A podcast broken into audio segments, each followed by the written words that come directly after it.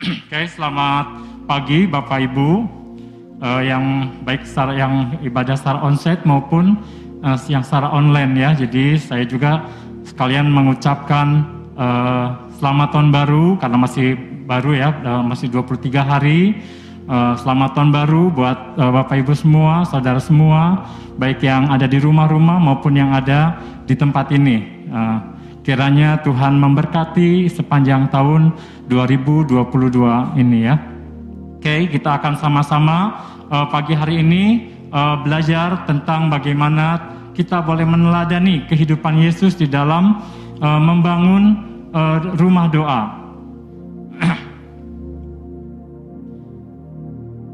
Ya, kita lihat bagaimana uh, pengertian doa. Doa itu adalah persekutuan dengan Tuhan ya, persekutuan. Ada satu uh, keintiman, ada satu keadaan di mana uh, persekutuan dengan Bapa dengan anak ya. Kita adalah anak-anaknya, kita rindu bagaimana Tuhan uh, terlebih rindu uh, membawa hidup kita untuk boleh masuk di dalam uh, keintiman satu dengan yang lainnya. Dan di sini uh, doa juga adalah bercakap-cakap atau berkomunikasi.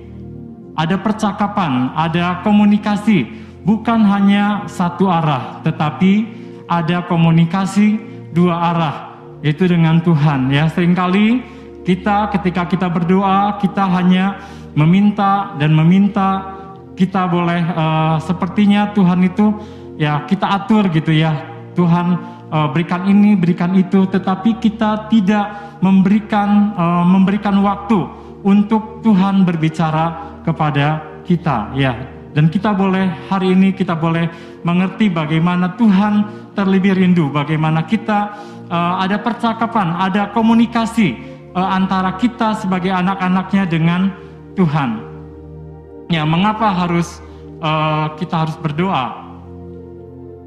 Nah, yang pertama, Allah senang bersekutu dengan kita atau berelasi dengan kita. Jadi doa itu adalah satu hubungan, satu relasi antara kita dengan pencipta kita, antara uh, ya kita uh, anak-anaknya dengan Allah yang besar, Allah yang telah memberikan kehidupan bagi kita, Allah yang telah menciptakan alam semesta. Tetapi Allah yang besar, Allah yang uh, luar biasa itu, Allah yang pencipta itu dia memberikan dirinya untuk dipanggil sebagai Bapa bagi hidup kita. Artinya kita boleh memiliki satu relasi, satu hubungan, satu keluarga antara anak dengan Bapa. Dan di Mazmur 27 ayat 8, hatiku mengikuti firmanmu, carilah wajahku, maka wajahmu kucari, ya Tuhan. Ini satu kerinduan Daud, bagaimana Tuhan terlebih rindu, bagaimana Tuhan uh, katakan, carilah wajahku, dan Daud meresponi, dia mencari Tuhan. Dia boleh memberikan dirinya untuk dia beribadah kepada Allah. Nah bagaimana dengan kita? Tuhan terlebih rindu untuk bersekutu dengan kita. Jadi inisiatif untuk persekutuan, untuk eh, percakapan kita dengan Allah adalah dari Allah, bukan dari kita. Dan Tuhan mau kita boleh memberikan respon yang terbaik untuk kita memberikan hidup kita, untuk kita um, memiliki satu relasi, satu hubungan satu percakapan dengan Tuhan setiap uh, hari ya. Dan mengapa kita berdoa? Yang kedua, karena dengan berdoa kita bisa mencurahkan isi hati kita kepada Tuhan. Di Mazmur 62 ayat 9, percayalah kepadanya setiap waktu hai umat, curahkanlah isi hatimu di hadapannya. Allah ialah tempat perlindungan kita. Ya, yang namanya Bapak, Bapak ketika anak-anaknya meminta uh, ada keperluan apa, uh, ya sebetulnya Bapak juga tahu apa yang menjadi kebutuhan anak-anaknya ya. Tetapi uh, ketika anak-anaknya meminta, itu sesuatu hal yang uh, membuat Bapaknya menjadi senang ya. Dan di dalam doa, bagaimana kita boleh mencurahkan isi hati kita kepada Tuhan. Apa yang menjadi keperluan kita, apa yang menjadi kebutuhan kita, apa yang menjadi permasalahan kita datanglah kepada Bapa, curahkanlah isi hati kita kepada Allah. Dan Allah mendengar setiap apa yang menjadi keluh kesah kita, apa yang menjadi uh, permasalahan kita. Kenapa? Karena Allah ya, Allah yang menjadi tempat perlindungan kita. Ya, jadi percayalah kepadanya setiap waktu, bukan ya setiap minggu, bukan setiap bulan, tetapi setiap saat percayalah kepada Tuhan, percayalah kepada janji-janjinya. Apa yang Tuhan firmankan, Tuhan akan genapkan di dalam kehidupan saudara semua. Kita boleh melihat bagaimana kasih Allah yang begitu besar di dalam setiap kehidupan kita. Karena itu, ketika kita datang, mungkin kita nggak bisa berdoa, kita hanya bisa menangis, ya menangislah dengan Tuhan. Ketika kita uh, sulit untuk berkata-kata, saya percaya bahwa Tuhan Allah yang terlebih rindu mengenal kita, Allah yang terlebih rindu untuk bersekutu dengan kita. Karena itu nyatakanlah apa yang ada dalam hati kita kepada Tuhan. Dan yang ketiga,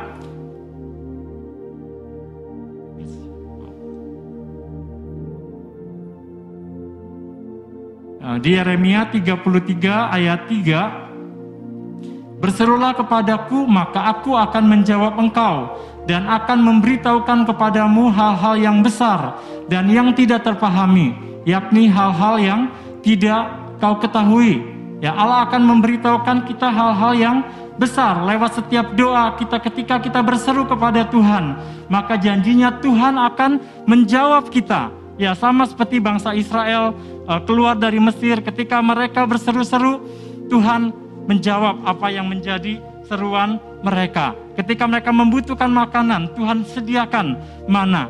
Ketika mereka membutuhkan uh, daging, Tuhan berikan burung. Artinya Tuhan memberikan sesuatu yang memang menjadi seruan kita. Ya, jadi kita berseru kepada Tuhan uh, dan Tuhan menjawab kita dan akan memberitahukan kepada kita hal-hal yang besar Tuhan ketika menjawab, Tuhan bukan hanya menjawab apa yang menjadi kebutuhan kita, tetapi Tuhan memiliki hal-hal yang lebih lagi dia berikan kepada kita. Hal-hal yang besar, apa yang tidak pernah kita pikirkan, Tuhan akan berikan. Apa yang tidak kita yang tidak pernah kita lihat dengan mata kita, Tuhan akan nyatakan di dalam kehidupan kita. Ya kita bersyukur kita memiliki Allah yang penuh kasih. Allah yang mengerti hidup kita satu persatu bukan masal, tetapi bagaimana Tuhan tahu kehidupanmu, apa yang menjadi kebutuhanmu. Karena itu berserulah kepada Tuhan. Karena itu nyatakanlah apa yang menjadi kerinduan hati kita. Dan satu keyakinan bahwa Tuhan akan menjawab setiap doa-doa kita. Ya kita boleh melihat bagaimana Yesus pun waktu di bumi, eh, dia sebagai manusia, dia memiliki satu relasi dengan Bapaknya, satu hubungan yang intim dengan Bapaknya. Kita boleh melihat bagaimana teladan yang Yesus berikan di dalam uh, ketika dia hidup di uh, bumi ini ya. Kita boleh uh, lihat teladan Yesus di dalam membangun uh, rumah doa. Di sini di Berani 5 ayat 7 sampai 10 firman Tuhan dalam hidupnya sebagai manusia, ia telah mempersembahkan doa dan permohonan dengan ratap tangis dan keluhan kepada Dia yang sanggup menyelamatkannya dari maut. Dan karena kesalehannya, ia telah didengarkan. Dan sekalipun ia adalah anak, ia telah belajar menjadi taat dari apa yang telah dideritanya. Dan sesudah ia mencapai kesempurnaannya, ia menjadi pokok keselamatan yang abadi bagi semua orang yang taat kepadanya dan ia dipanggil menjadi imam besar oleh Allah menurut peraturan Melkisedek. Nah, kita boleh melihat satu teladan bagaimana Yesus ketika dia hidup di dunia ini bagaimana dia mempersembahkan doa dan permohonan ya dengan katanya dengan ratap tangis dan keluhan kepada Bapaknya. Ada satu hal kita boleh melihat ya satu keintiman yang uh, kita boleh perhatikan bagaimana Yesus di dalam hidupnya dia ingin meng, uh, ingin bersekutu dengan Bapaknya karena ya firman Tuhan katakan di dalam uh, Tuhan kita tidak bisa berbuat apa-apa, apalah kita gitu ya. Kalau kita tidak di dalam Tuhan. Nah begitu juga Yesus, dia memiliki banyak hal yang dia harus kerjakan. Uh, dia memiliki pelayanan yang dia lakukan setiap hari. Karena itu dia membutuhkan satu kehidupan doa, satu kehidupan percakapan dengan Tuhan uh, supaya Tuhan melimpahkan kekuatannya. Dan Yesus dia lakukan, dia berdoa dengan apa? Kesungguhan hati. Bagaimana Yesus dia tidak tidak main-main ketika dia berdoa, tetapi dia boleh uh, dia boleh ambil waktu, dia sediakan waktu dan dia bersekutu dengan Bapaknya. Dan katanya bagaimana Yesus juga di dalam kesalehannya Allah mendengarkan apa yang menjadi doa Yesus ya. Dan uh, di ayat 8 dan sekalipun ia adalah anak, ia telah belajar menjadi taat dari apa yang telah dideritanya. Satu hal bagaimana Yesus dia bukan hanya beribadah dengan sungguh hati di dalam kesalehan dia, tetapi bagaimana dia juga memiliki ketaatan kepada uh, kepada Allah. Dia boleh belajar untuk taat kepada Allahnya dan bagaimana dengan hidup kita. Kita boleh memberikan waktu kita, uh, doa-doa kita setiap hari dengan apa? Dengan kesungguhan hati, bukan dengan main-main, tetapi dengan hati yang memang Tuhan inilah Tuhan. Saya tidak bisa berbuat apa-apa tanpa Engkau. Saya boleh melihat bagaimana Yesus memberikan teladan bagi kita, bagaimana kita boleh uh, melihat bagaimana kita boleh uh, memperhatikan kesungguhan hati Yesus, kesalehan uh, dan penuh di dalam ketaatan. Nah, kita juga boleh uh, kita akan uh, melihat uh, teladan Yesus yang kedua yaitu memiliki kehidupan doa yang konsisten.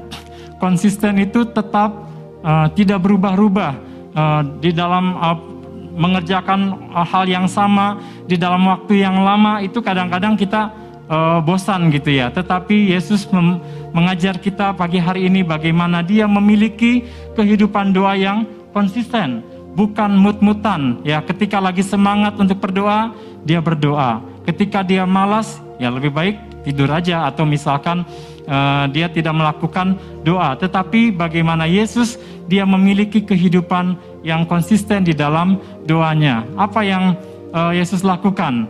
Di sini di Markus 1 ayat 35, pagi-pagi benar waktu hari masih gelap, ia bangun dan pergi keluar, ia pergi ke tempat yang sunyi dan berdoa di sana.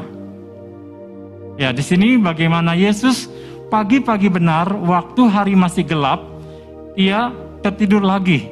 Tidak ya, tetapi ia bangun dan dia boleh pergi ke tempat yang sunyi dan berdoa di sana. Ya, ada banyak tantangan ketika kita misalkan bangun tidur ya, uh, kita berdoa uh, di tempat tidur kadang-kadang ada banyak tantangan ya untuk uh, kita akhirnya tertidur lagi. Nah, satu hal bagaimana uh, Yesus dia ketika dia bangun uh, tidur dia ambil waktu untuk dia keluar ya kalau bisa cuci muka cuci muka dulu mungkin ya supaya tidak mengantuk ketika berdoa. Dan di sini bagaimana Yesus di dalam di tengah-tengah kesibukannya uh, dia mengambil waktu pagi hari. Uh, kalau kita perhatikan bagaimana kehidupan Yesus kalau kita baca di ayat-ayat uh, sesudahnya uh, akhirnya Pak Simon dan murid-muridnya dia mencari Yesus gitu karena sudah banyak orang yang ingin diminta dilayani jadi ketika kalau Yesus dia tidak uh, pagi-pagi uh, datang kepada Tuhan ya sudah waktunya sudah sudah nggak ada waktu lagi untuk berdoa karena sudah banyak orang untuk datang ya nah ketika dia pagi hari dia mau lebih fokus, dia mau konsentrasi dengan Allahnya, dengan Bapaknya. Ya, supaya di tengah-tengah kesibukan, baik itu pekerjaan, uh, di dalam uh, mungkin yang masih sekolah-sekolah, atau uh, ya ada hal-hal yang yang sering kali kita tahu waktu-waktu yang terbaik yang kita bisa lakukan ya. Kalau mungkin waktu yang terbaik bagi Bapak Ibu jam 5 atau jam 6 atau jam 4 ya, tergantung kesibukan kita ya. Kalau saya saya kerja itu uh, jam setengah tujuh harus sudah dari sekolah. Jam enam saya harus pergi dari dari rumah. Nah jadi bagaimana saya harus mempersiapkan diri saya untuk saya bisa berdoa? Ya pasti harus ngatur. Kalau saya sudah mulai dat- uh, sudah terlambat, ya sudah saya harus cepat-cepat ya. Artinya, nah hari itu tidak uh, bisa dilalui dengan doa. Walaupun memang doa bisa di mana saja ya. Di motor pun kita bisa berdoa, di mobil kita bisa berdoa. Tetapi bagaimana Tuhan ingin uh, yang terlebih rindu pagi-pagi dia datang kepada kita, dia sudah menunggu anakku, apakah engkau sudah siap untuk bersekutu denganku? Itu satu kerinduan Tuhan dan saya mau belajar untuk saya meresponi apa yang Tuhan rindukan Ya sama seperti Daud bagaimana dia mencari wajah Tuhan, begitu juga saya mau belajar di dalam hidup saya ketika saya memulai pekerjaan uh, ya pasti udah udah sibuk lah ya kalau sudah pulang ada rapat ada apa. Uh, nah jadi uh, saya memberikan waktu juga pagi-pagi ketika sebelum memulai pekerjaan saya boleh mencari Tuhan. Saya boleh berdoa, memohon Tuhan apa yang akan Tuhan kerjakan. Saya meminta arahan dari Tuhan apa yang mau Tuhan lakukan sepanjang hari itu. Dan di sini bagaimana uh, Yesus uh, memberikan teladan bagi hidup kita. Dan yang kedua, bukan hanya pagi-pagi ya, pada waktu itu di Lukas 6 ayat 12 uh, pada waktu itu pergilah Yesus ke bukit untuk berdoa dan semalam-malaman ia berdoa kepada Allah ada waktu-waktu khusus di mana ketika ada pergumulan yang berat bagi setiap kita. Ada waktu-waktu khusus di mana kita ingin doa menikmati Tuhan lebih lama, lebih panjang. Ya, ambillah waktu doa semalaman. Doa khusus ketika Yesus dia mau memilih murid-muridnya. Dia memberikan diri dia untuk dia mau mencari arahan Tuhan, arahan Bapaknya. Dan dia datang malam-malam, dia berdoa semalaman, uh, pagi harinya, siang harinya dia memanggil 12 murid. Nah itu satu keadaan, satu keadaan khusus di mana kita boleh uh, memberikan diri kita untuk kita doa semalaman. Ya, kita harus belajar untuk ke arah sana. Hal-hal yang memang kita perlu untuk suatu revival kegerakan yang besar itu butuh doa-doa kita. Itu butuh uh, seruan kita, baik kita secara pribadi maupun secara korporat ya.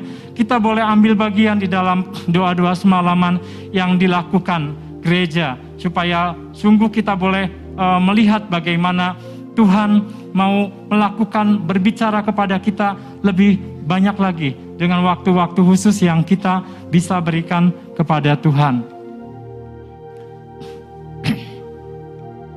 Nah, yang ketiga, bagaimana uh, Yesus ini di Taman Getsemani, dia menyerahkan kehendaknya kepada kehendak Bapa. Di Lukas 26 ayat 36 sampai 39 saya bacakan. Maka sampailah Yesus bersama-sama murid-muridnya ke suatu tempat yang bernama Getsemani. Lalu ia berkata kepada murid-muridnya, Duduklah di sini sementara aku pergi ke sana untuk berdoa. Dan ia membawa Petrus dan kedua anak Sebedeus sertanya. Maka mulailah ia merasa sedih dan gentar. Lalu katanya kepada mereka, hatiku sangat sedih, seperti mau mati rasanya. Tinggallah di sini dan berjaga-jagalah dengan aku. Maka ia maju sedikit lalu sujud dan berdoa. Katanya, ya Bapakku, jikalau sekiranya mungkin biarlah cawan ini lalu daripadaku. Tetapi janganlah seperti yang ku kehendaki, melainkan seperti yang engkau kehendaki. Suatu saat ketika uh, hari ya penyaliban Yesus sudah dekat, bagaimana Yesus dia mengalami pergumulan yang sangat besar, pergumulan yang sangat berat, dan dia datang uh, berdoa di Taman Getsemani bersama sama dengan uh, murid-muridnya. Ya dia uh, karena muridnya yang terdekat, jadi dia ingin ada satu topangan ya. Tetapi bagaimana uh, murid-muridnya dibilang ya kamu tunggu sini ya, ketika aku uh, berdoa. Nah Yesus dia datang pada Tuhan dan dia berdoa. Nah waktu dia datang kepada murid-muridnya, dia sudah tertidur gitu ya. Jadi uh, tidak apakah engkau tidak sanggup berjaga-jaga dengan satu jam kata Tuhan Yesus. Nah, Yesus akhirnya dia balik lagi yang kedua. Ya hatinya sudah sangat sedih dan gentar menghadapi hari yang sangat mungkin bagi dia menakutkan sebagai manusia. Tetapi bagaimana sampai di yang ketiga kalinya Yesus datang, ya Yesus dia Katakan ya Bapakku, jikalau sekiranya mungkin, biarlah cawan ini lalu daripadaku. Tetapi janganlah seperti yang ku kehendaki, melainkan seperti yang engkau kehendaki tiga kali. Yesus berkata begitu, ya. Kalau boleh, cara yang lainlah Tuhan, Bapak gitu ya. Tetapi bukan kehendak Yesus yang jadi. Dia menyerahkan seluruh kehendaknya, seluruh pemikirannya, seluruh pergumulannya, bukan kehendak dia yang jadi, tetapi kehendak Bapaknya. Ya, kehendak Bapaknya yang terbaik, ya. Itu disalibkan, dia mati dan bangkit bagi kita. Dan kitalah orang-orang yang diselamatkan karena karya Yesus di kayu salib. Satu hal bagaimana uh, kita boleh uh, memperhatikan kita mungkin memiliki banyak pergumulan, kita memiliki banyak kehendak, kita memiliki banyak keinginan di dalam kehidupan kita. Ya sering kali kita datang kepada Tuhan, kita mengatur Tuhan, Tuhan ini, Tuhan itu, apa yang uh, kita ingin uh, Tuhan lakukan dalam diri kita. Tetapi lewat uh, pelajaran di Getsemani ini, bagaimana kita boleh belajar untuk kita menyerahkan apa yang menjadi pemikiran kita, apa yang menjadi pergumulan kita, hanya Tuhan yang kehendak Tuhanlah yang jadi bagi hidup kita. Saya percaya, walaupun sepertinya apa yang dialami Yesus itu sesuatu hal yang mungkin iblis bersorak-sorai sebelumnya, tetapi bagaimana ada kemenangan di dalam Getsemani, bagaimana Yesus dia mau mati dan uh, bangkit kembali untuk menjadi kehidupan bagi kita.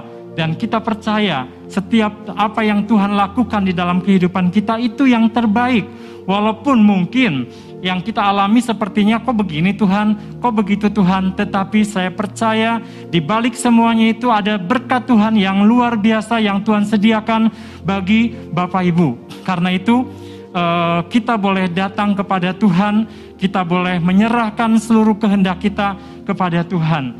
Ya, Tuhan Yesus kalau dia tidak membiasakan diri untuk berjaga-jaga dan berdoa di dalam kehidupannya, maka ketika dia di Getsemani mungkin dia tidak siap. Ya, tetapi bagaimana kehidupan doa yang dia bangun setiap hari itu yang memberikan kekuatan kepada kepada Yesus untuk dia bisa melewati eh, masa-masa uh, pergumulan ini dengan kemenangan. Ya, karena itu kita boleh membiasakan membangun rumah doa di dalam kehidupan kita sehingga kita ketika menghadapi masalah, ketika kita menghadapi tantangan, kita sudah siap karena kita sudah mempersiapkan di dalam di dalam hidup kita dengan Bapa kita. Ya, karena itu berjaga-jaga dan berdoalah. Ya, sama seperti Tuhan. Apakah engkau tidak bisa berjaga-jaga hanya dalam satu jam? Ya, Tuhan pertanyakan kepada Bapak Ibu, apakah ketika Tuhan meminta waktu doa kita 10 menit, 15 menit, atau uh, berapa jam, apa kita mau memberikan diri kita atau tidak. Yaitu merupakan pilihan bagi Bapak Ibu. Tetapi Yesus sudah melakukan yang terbaik. Bagaimana Yesus dia memberikan dirinya untuk bersekutu dengan Bapaknya. Ketika ada tantangan, masalah yang dia sendiri uh, hadapi, bagaimana ada kesiapan, ada kekuatan roh yang Tuhan lakukan di dalam kehidupan kita.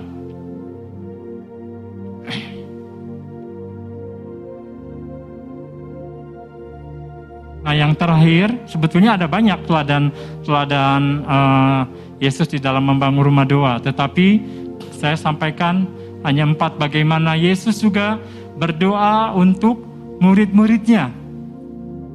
Di Yohanes 17 ayat 9 dan 20 Firman Tuhan, aku berdoa untuk mereka, bukan untuk dunia aku berdoa, tetapi untuk mereka yang telah engkau berikan kepadaku, sebab mereka adalah milikmu. Dan bukan bukan untuk mereka ini saja aku berdoa, tetapi juga untuk orang-orang yang percaya kepadaku oleh pemberitaan mereka.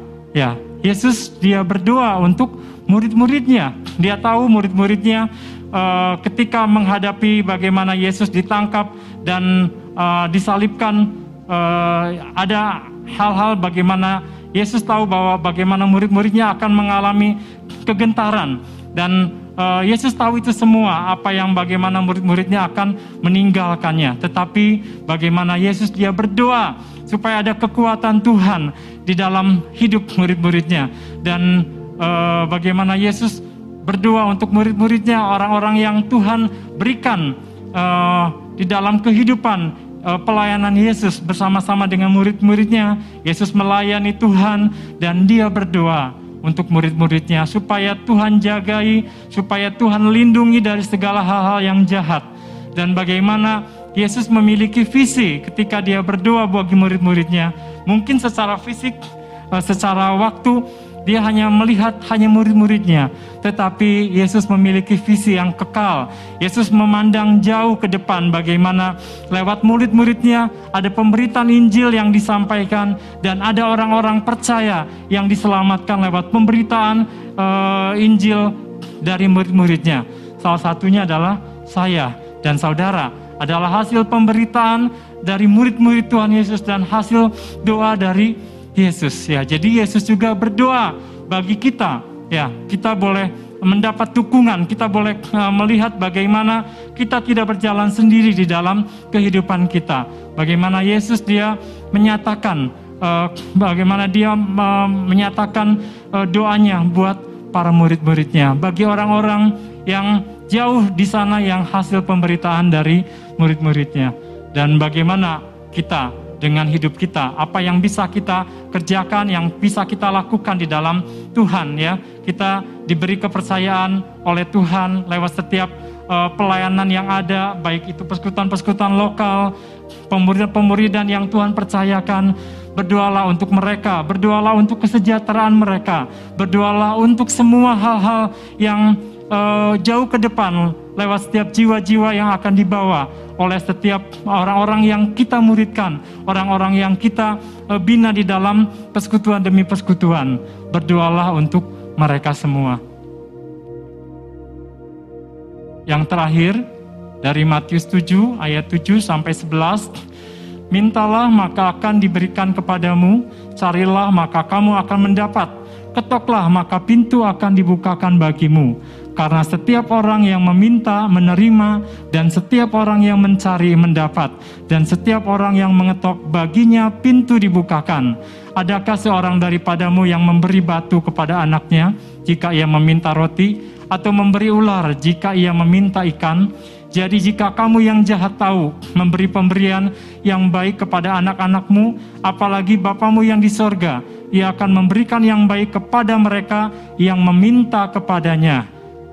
Sekali lagi saya ulang lagi, apalagi Bapamu yang di sorga, ia akan memberikan yang baik kepada mereka yang meminta kepadanya. Ya, jawaban Tuhan, ya, tunggu dan tidak. Ya, tetapi janji Tuhan, dia katakan kalau kita minta, maka kita akan mendapat. Ya, kita akan diberikan apa yang kita minta. Kalau kita mencari, kita akan mendapat dan kalau kita mengetok pintu akan dibukakan bagi kita. Ya, sering kali mungkin kita melihat bagaimana uh, Tuhan tidak menjawab-jawab doa kita. Kita uh, menjadi putus asa. Sudah setahun, dua tahun saya berdoa, bahkan mungkin berpuluh-puluh tahun saya berdoa untuk ini. Tetapi percayalah bahwa bagi Tuhan, Tuhan sanggup untuk memberikan bagi kita, tetapi bagaimana kita? Apakah kita setia? Apakah kita boleh sama seperti uh, kita orang-orang yang mencari atau orang-orang yang meminta dan mengetok? Tuhan janji, ketika kita meminta, kita akan diberikan bagi kita. Ketika kita mengetok pintu akan dibukakan bagi kita. Ketika kita mencari, maka kita akan mendapat. Ya, dan satu hal, bagaimana sering kali ketika doa kita tidak dijawab, saya percaya bahwa itu yang terbaik bagi hidup kita. Ya, karena Tuhan tahu uh, Bapak yang mana kalau ketika minta uh, ikan uh, dikasih ular, ya, atau meminta roti dikasih batu. Ya, Tuhan tahu yang terbaik. Apa yang kita doakan kalau menurut Tuhan itu hal-hal yang uh, kurang baik dan akan membahayakan kita. Ya, maka Tuhan akan uh, mengatakan tidak. Ya, jadi kita boleh mempercayai Tuhan di dalam kehidupan kita. Kita boleh menyerahkan apa yang terbaik yang Tuhan berikan bagi kita. Tetapi baiklah kita di dalam kesederhanaan kita sebagai anak yang meminta kepada Bapaknya. Ya kita datanglah bukan dengan nanti kita berpikir ini baik atau tidak. Ya datanglah dengan apa yang Tuhan taruhkan di dalam hati kita. Ya saya percaya Tuhan yang tahu yang terbaik dan Tuhan akan memberikan jawaban bagi setiap doa-doa kita. Ya, saya belajar untuk saya uh, kalau untuk mengingat doa kita uh, kalau kita uh, apa yang harus saya doakan ketika saya datang pada Tuhan. Uh, Bapak Ibu boleh lipat uh, lipat uh, tangan. Minta Bapak Ibu bisa lipat tangan yang di rumah juga bisa melipat tangan. Kita kita boleh perhatikan apa yang menjadi doa-doa kita. Yang pertama ibu jari. Ibu jari adalah yang terdekat dengan kita. Ya, orang-orang yang terdekat dengan kita itu yang kita doakan. Keluarga kita, orang-orang yang uh, di dalam orang orang-orang yang kita layani secara khusus, baik itu orang anak-anak rohani kita, kita doakan mereka. Kita doakan apa yang menjadi kebutuhan, apa yang menjadi keperluan mereka. Dan kita juga uh, berdoa untuk jari telunjuk, jari telunjuk bagaimana eh, orang-orang yang mengajar kita, orang-orang yang mengajar firman Tuhan bagi kita. Kita berdoa bagi mereka, para penatua, para pendeta, para pemimpin, orang-orang di atas kita yang mengayomi kita. Itu yang bisa kita doakan kepada Tuhan, supaya Tuhan memelihara, terus menjaga di dalam kehidupan mereka. Yang tengah, bagaimana kita uh, boleh berdoa ini yang tertinggi ya, artinya kita berdoa bagi bangsa kita. Kita berdoa bagi para pemimpin kita. Kita berdoa bagi uh, para uh, presiden, wakil presiden, staf menteri ya, untuk semua gubernur, bupati bahkan sampai yang tingkat paling bawah. Tuhan memberikan hati yang mengasihi Tuhan bagi mereka. Dan kita juga berdoa untuk jari manis kita. Uh, jari manis kita boleh berdoa, ini jari yang paling lemah ya. Kita berdoa buat orang-orang yang mengalami masalah-masalah di dalam kehidupan kita. Ketika kita tahu, kita dengar ada orang-orang yang bermasalah, entahkah sakit atau apa, baiklah kita naikkan permohonan kita kepada Tuhan. Dan saya percaya kita juga terakhir, kita boleh berdoa bagi kita, ya, kelingking kita menunjukkan bagaimana saya yang tidak ada artinya tanpa Tuhan tanpa kekuatan Tuhan, saya berdoa supaya Tuhan yang boleh memberkati setiap pelayanan, setiap pekerjaan, setiap apa pun juga yang menjadi kebutuhan saya, saya datang kepada Tuhan. Amin.